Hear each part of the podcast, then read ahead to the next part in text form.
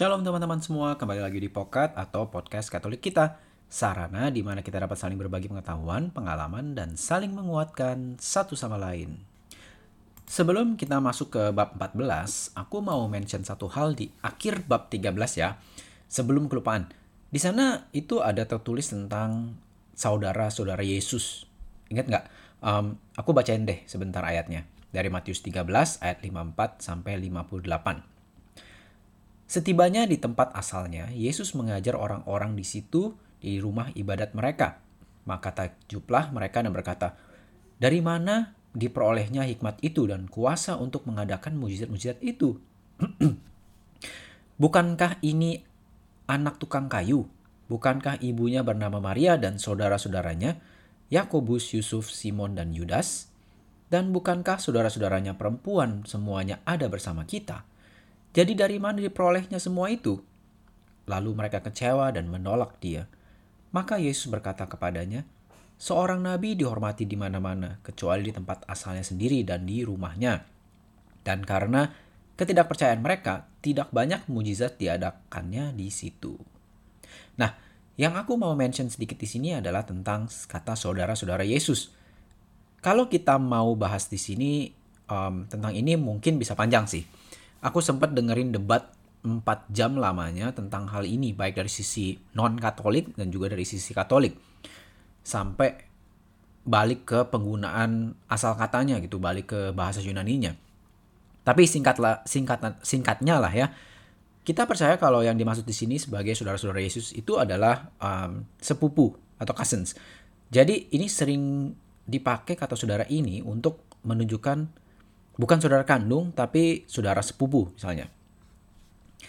Kalau mau lebih detailsnya mungkin kita bisa lihat juga dari sisi Maria dari sisi dogma perpetual virginity.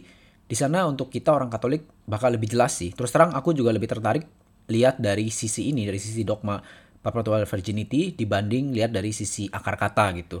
Tapi ya kalau untuk belajar dua-duanya harus dipelajari lah. Anyway, Aku cuma mau mention itu aja sedikit biar teman-teman tahu juga. Dan gak lupa tentang hal itu ya. Kita sekarang mau masuk ke bab 14. Bab 14 dimulai dengan kisah Yohanes Pembaptis yang dipenggal. Kayaknya teman-teman ini juga udah gak asing dengan ceritanya. Jadi ceritanya tuh Herod udah diwanti-wanti sama Yohanes Pembaptis kalau dia tuh nggak boleh nikahin Herodias. Karena si Herodias ini kan istrinya si Philip, saudaranya Herod. Nah, si Herodias ini jadi nggak suka lah sama si Yohanes Pembaptis. Jadi pas pesta, anaknya si Herodias, anak perempuannya itu kan dance. Terus uh, performanya bagus, si King Herod ini janjiin lah bakal kasih apa aja yang dia mau gitu. Bahkan separuh kerajaannya kalau dia minta dia dia bakal kasih. Tapi si Herodes ini minta anaknya untuk minta ke raja si King Herod ini kepala Yohanes Pembaptis on platters. Jadi kalau di bahasa Indonya itu di atas sebuah talam. Ini ada paralelnya juga ya di perjanjian lama. Jadi ketika di zaman Nabi Elia ada juga tuh wicked king yang punya istri sama wickednya lah sama nggak benernya. Namanya Ahab. King Ahab. Ahab um, sama istrinya Jezebel ya. Si Ahab ini memerintah bagian utara dari Israel. Nah, istrinya si Jezebel ini tuh benci sama Profet Elia. Nah, di zaman Yohanes Pembaptis, si Herod, namanya kan kingnya tuh si Herod, sama Herodias. Nah, si Herod nih, Herod Junior nih, juga memerintah bagian utara dari Israel. Similar kayak Ahab. Istrinya si Herod, itu namanya Herodias kan. Nah, ini juga sama kayak Jezebel, benci sama profet yang kalau dulu Jezebel bencinya sama profet uh, Elia, kalau di sini Herodias itu bencinya sama Yohanes Pembaptis. Nah, nanti kan Yesus bakal ditanya tuh, bukannya Elia bakal datang dulu sebelum Mesias datang gitu-gitu kan. Nah, Yesus di situ bilang juga kan kalau Elia tuh sebenarnya udah datang. Dan di Injil Matius dijelasin atau ditulis benar-benar kalau yang dimaksud sebagai Elia itu adalah Yohanes Pembaptis. Kalau misalnya teman-teman baca di Injil Markus itu nggak ditulis jelas ya. Jadi John the Baptist is the new Elijah. Nah, setelah kisah ini kita akan masuk kisah ke uh, feeding of the 5000. Miracles ini tuh penting banget ya, karena ini adalah satu-satunya mujizat yang ada di keempat Injil, Matius, Markus, Lukas, Yohanes. Um, eh, selain kebangkitan Yesus ya. Jadi ini tuh penting banget.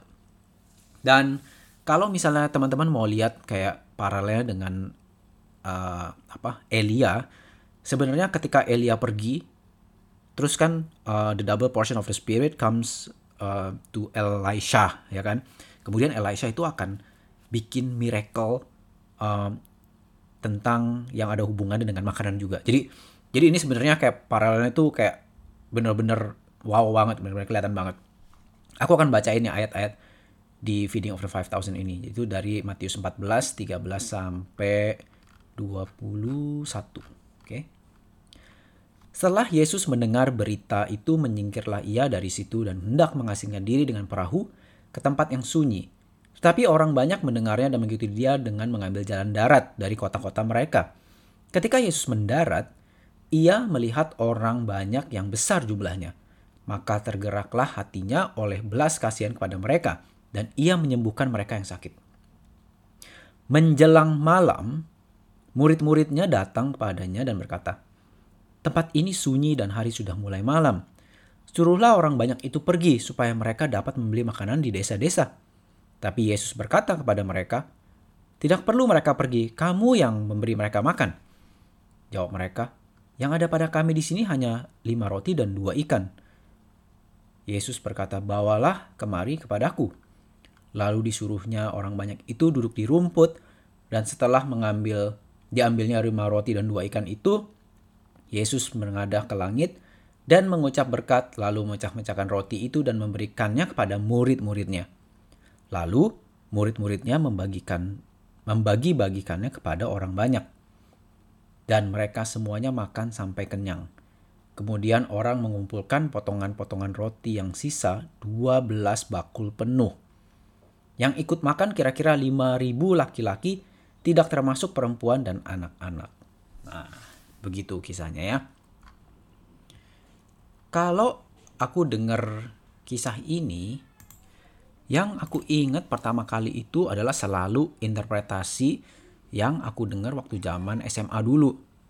Aku nggak inget tuh siapa yang ngomong atau siapa yang nge-sharing ke aku, tapi waktu itu tuh lumayan terkenal banget. Jadi dulu sempat dikasih tahu tuh, oh ini tuh bukannya Yesus menggadakan makanan dari lima roti dua ikan, tapi Yesus tuh nunjukin kalau um, siapa?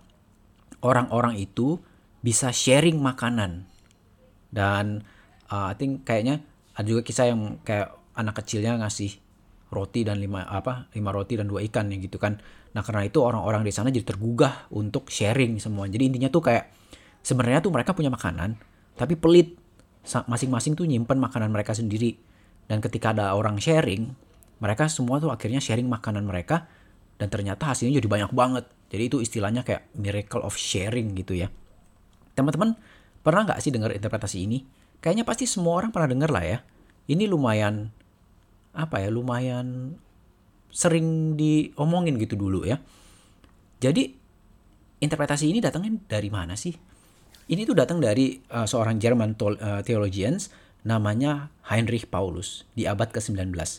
Terus dipopulerkan kembali oleh seorang yang namanya Albert Schweitzer di abad ke-20. Jadi lumayan baru lah ya.